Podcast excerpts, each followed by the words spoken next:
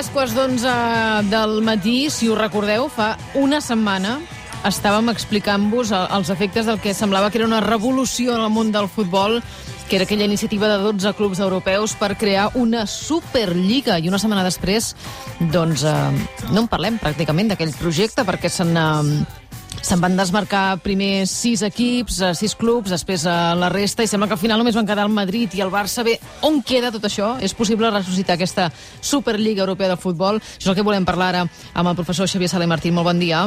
Hola, molt bon dia. Eh, per què ha fracassat aquest eh, projecte? Perquè a priori era un, un sistema que, per exemple, als Estats Units amb l'NBA o fins i tot aquí amb l'Eurolliga ha funcionat, o sigui, amb el bàsquet ha funcionat. Per què amb el futbol no? A veure, jo crec que hi ha hagut dos grans problemes. Un ha sigut la reacció dels fans a Anglaterra. Eh? Hi va haver-hi una gran pressió popular els partits que es van jugar aquelles 24 hores doncs va haver-hi manifestacions pedrades contra de, de, dels uh, dels equips petits contra els equips grans i la segona va ser la reacció dels governs, sobretot dos governs, que són l'anglès i el rus.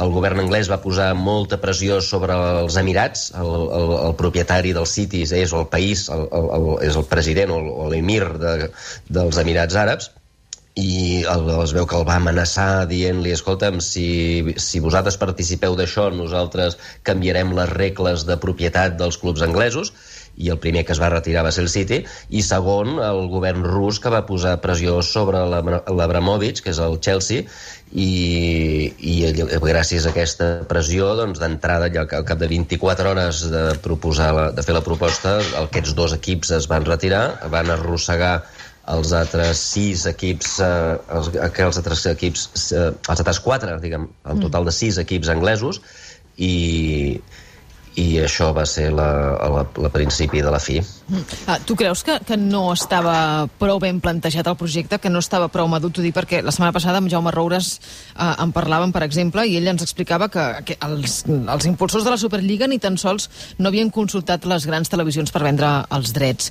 Eh, creus que, que ha estat eh, un problema de, precisament d'això, de, de preparar-ho poc? Jo no sé si el projecte estava prou preparat, el que segur que no estava prou preparat era el pla de comunicació de sobre, sobre què es volia fer i per què es volia fer eh, en, en només presentar-se, tot el debat es va centrar en sobre si, sobre si la Lliga era tancada o no era tancada i si això era injust pels equips petits. Eh? Eh, Fixeu-vos que totes les crítiques, incloent les del Pep Guardiola, que va dir no és esport si no es pot competir, és a dir, si no et guanyes la plaça no és esport, doncs eh, el debat es va centrar només en si eh, eh, era just que aquests 12 equips fessin una lliga i els altres no hi poguessin mai participar per més bé que ho fessin a través dels anys.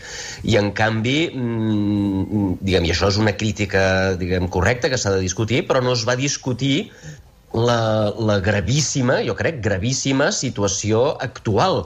Uh, jo crec que hi ha cinc grans problemes que té el sistema actual. Uh, primera, uh, no hi ha prous partits entre els grans.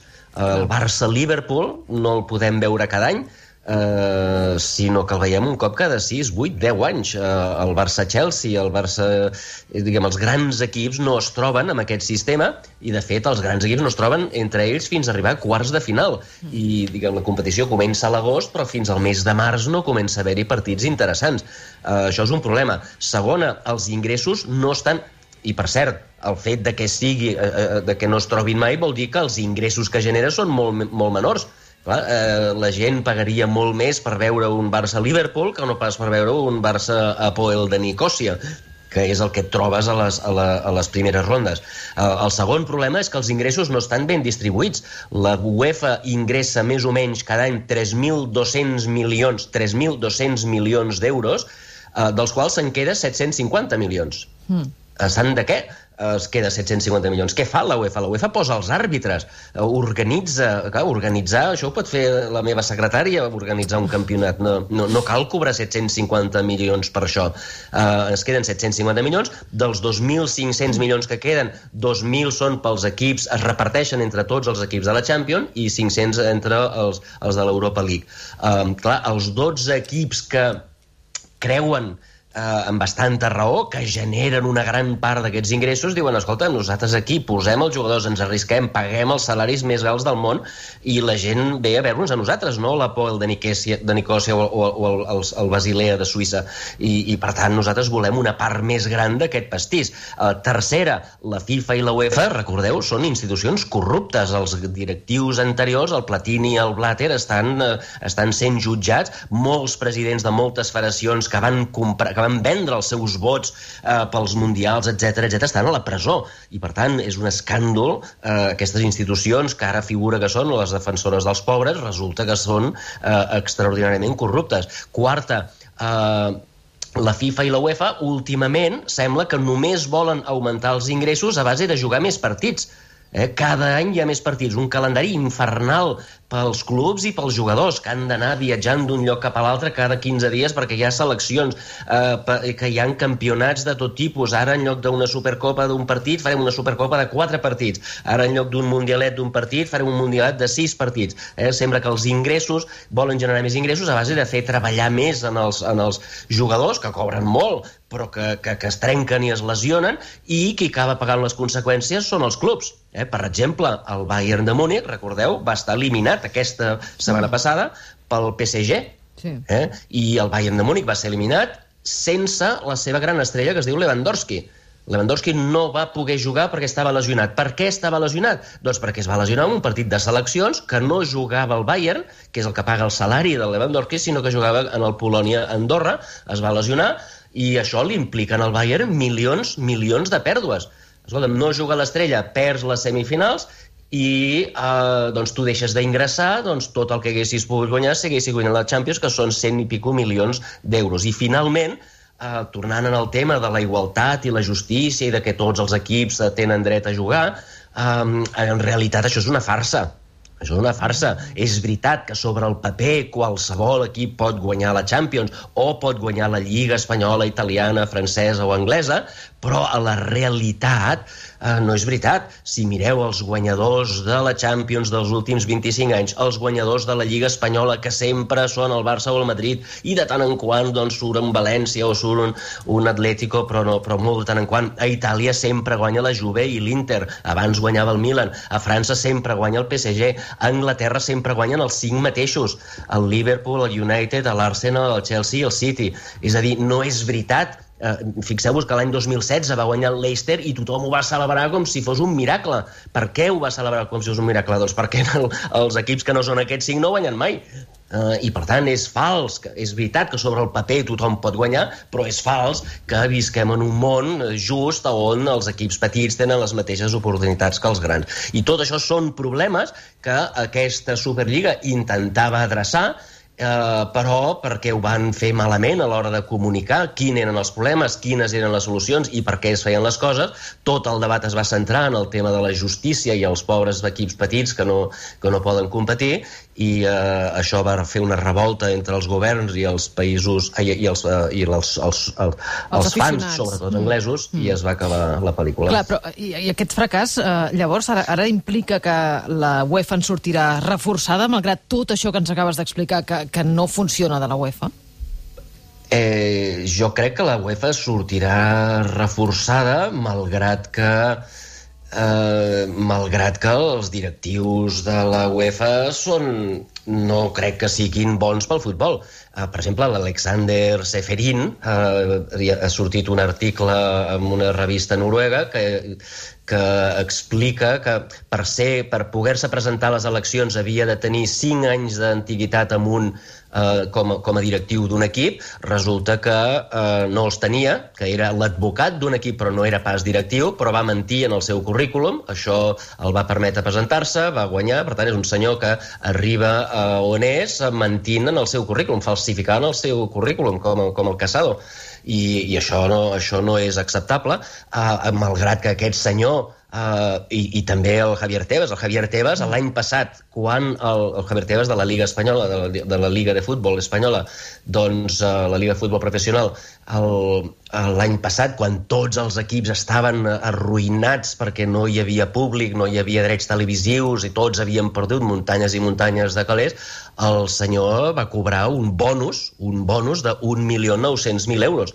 I el senyor Ceferín no va cobrar bonus, eh, va dir que, que té un salari de 2.900.000, no va cobrar bonus, però va dir, escolta, en lloc de bonus em pujo el salari eh, a un salari de 2.900.000, no? Eh, just en un moment en el que els clubs estaven ofegats, eh, a mi em sembla que és molt mala, molt mala notícia que aquestes institucions segueixin governant el futbol i el que passa és que és, és veritat que això és una una lluita de poder i, i, i, i hi ha una, diguem, hi ha poders de negociació i el fet de que el Florentino eh, s'hagi volgut autoproclamar rei de la nova de la nova situació i hagi fracassat, doncs això li dona poder en l'altra part que no només eh, se sent, no només eh, sembla que vol continuar fent les coses tal com estaven, sinó que a sobre vol castigar en els clubs com el Florentino, com el, com el Madrid o com el Barça per haver-se atrevit, eh, una, mena com si, una mena com si fossin els tribunals espanyols, eh, com que s'han atrevit a fer un referèndum, doncs ara se'ls ha de castigar més enllà del que diu la llei i, i a mi això em sembla, tot això em sembla horrorós. Jo apostaria, jo el que crec que s'hauria de fer i és el que jo vaig apostar des del principi, vaig dir això s'ha d'utilitzar com a eina de negociació per fer una reforma de la Champions, però amb un, amb un canvi important. En lloc de que qui, gen, qui gestioni els calés, qui gestioni els, eh, els, eh, diguem, l'organització, qui ho gestioni tot, en lloc de que sigui la UEFA, s'ha de fer una associació, una mena de, una mena d'institució mixta en la qual hi hagi la UEFA, en la qual hi hagin els clubs grans, en la qual hi hagi els clubs petits, però que la majoria no la tingui la UEFA. Mm. Eh? La UEFA ha de deixar de tenir el monopoli de les decisions i de, de, de, de, de, de decisions organitzatives i sobre calés i l'han de tenir els clubs, perquè els clubs al cap i al fi són els que posen els calés. Eh? Quan hi ha un partit, hi ha, hi ha 25 persones en el camp, eh, hi ha 11 jugadors que els posa un equip, 11 jugadors que el posa l'equip i 3 àrbitres, el, els qui diguem, els qui posen els calés, els qui arrisquen els calés, els qui arrisquen a comprar jugadors, els qui arrisquen a pagar salaris extravagants, són els 22 eh, jugadors eh, el qui menys fa en aquest espectacle és l'àrbitre, però resulta que l'àrbitre és, el, el, el qui posa l'àrbitre, és el que mana tot, és el que gestiona tot, és el que decideix quants calés es queda cadascú i és el que es queda 750 milions per la cara simplement perquè posen l'àrbitre. I això no pot ser. És a dir, la UEFA ha de tenir un paper, però no ha de tenir un paper majoritari. Mm. I, i el, el Barça hi surt guanyant o perdent amb la posició que ha mantingut fins ara? Ha fet pinya amb, amb Florentino Pérez. Això el pot perjudicar? O bueno, si els dirigents són venjatius, eh, si són com el Llarena i ara van a carnissar-se amb els clubs que, que, els, que han intentat fer les coses diferents, doncs eh, és possible que surti perdent. Jo espero que no, que no sigui així o que no se'ls deixi, que, que la justícia no els deixi ara buscar venjança. Eh, això ho veurem una part, la veurem aquesta nit. Eh? Si els àrbitres avui van contra el Real Madrid vol dir que, vol dir que, que sí que hi haurà venjança Uh, però, a veure, uh, jo crec que la posició del Barça era la correcta. Si hi ha 11 equips, els, han, els 11 grans equips van, van a muntar, i no, recordem, en aquell moment no se sabia si funcionaria o no, però si s'ha de muntar una cosa diferent, uh, el Barça hi ha de ser. Eh? El Barça ja va cometre l'error de no ser-hi l'any 1955, quan el Santiago Bernabéu va fundar la Copa d'Europa, el que després seria la Champions, això la va fundar el Madrid i el Barça va decidir no entrar en aquesta lliga, en, aquesta, en aquest campionat. El Barça es va quedar amb el que es deia la Copa de Fèries. I la Copa de Fires resulta que va acabar amb un no-res, el Barça en va guanyar 3, uh, i quan el Barça va intentar entrar a la Champions, el Madrid ja en tenia 6. O sigui, abans de començar ja portaven 6 Champions d'avantatge sobre el Barça. I, i això no podia tornar a passar. El Barça ara havia d'estar el, amb, el, amb els eh, equips grans i, i el Barça jo crec que fa bé de, de mantenir la idea de que, escolta'm, el sistema actual no és just. No pot ser que els jugadors juguin dos vegades a la setmana eh, perquè, diguem, dos vegades a la setmana que es trenquen, i quan es trenquen paga el salari. O sigui, quan, quan el, si el Dembélé es trenca o quan el Lewandowski es trenca, el salari no li paga la UEFA. El salari el paga el Barça o el paga el Bayern de Múnich. Això les de recordar, i si es lesiona jugant amb Argentina el Messi o es lesiona el Lewandowski jugant amb Polònia, el, el Barça ha de seguir pagant el salari i, i això, diguem, això és injust, i això no pot ser, i això no pot seguir d'aquesta manera. Um, no podem estar explotant, això també ho diu el Pep Guardiola sempre, escolta'm, és que estem matant els jugadors, és veritat que cobren molt, però són sers humans, i aquests sers humans que es trenquen, que es lesionen, um, això va, va en contra del mateix futbol, va en contra dels sers humans que els estem destruint, els estem esclavitzant, però és que a sobre, uh, uh, diguem, el, el qui els fa treballar més no, no els hi paga que és la UEFA, que és la FIFA, tots aquests partits extras. Escolta'm, per què no fem el Mundial en lloc d'anar cada 15 dies parant les competicions, fent volar els, els jugadors d'un lloc a l'altre, fem la classificació dels Mundials totes al mes de maig, quan s'acabi tot l'altre, en lloc d'anar d'anar eh, eh, diguem, eh, aturant les lligues i anar, eh, perquè la FIFA pugui guanyar calés. Eh, tots aquests problemes que segueixen existint s'han d'arreglar i si la UEFA i la FIFA no ho volen arreglar i, i s'ha d'arreglar el tema de la corrupció. Escolta'm, el, el Mundial, el proper Mundial se celebrarà a Qatar.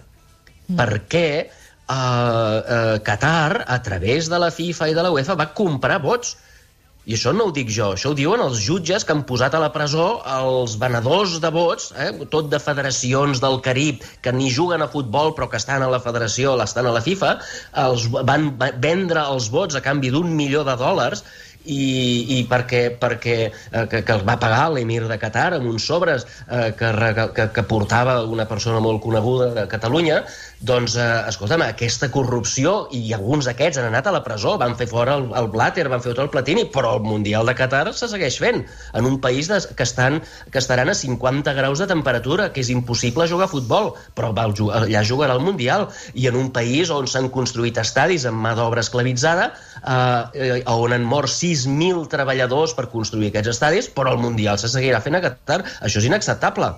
I, per tant, això s'ha d'arreglar i el Barça ha d'estar de, en el vagó que lideri uh, la reforma. No pot ser que això continuï. I si i si s'ha de fer fora el Seferín i el Tebas i tota aquesta quadrilla, doncs que els facin fora. Però això no pot seguir. Doncs uh, més clar l'aigua. Xavier Sala i Martín, catedràtic d'Economia i professor a la Universitat Colúmbia de Nova York. Moltíssimes gràcies. Una setmana més. Molt bon dia. Gràcies a vosaltres. Gràcies. El matí de Catalunya Ràdio.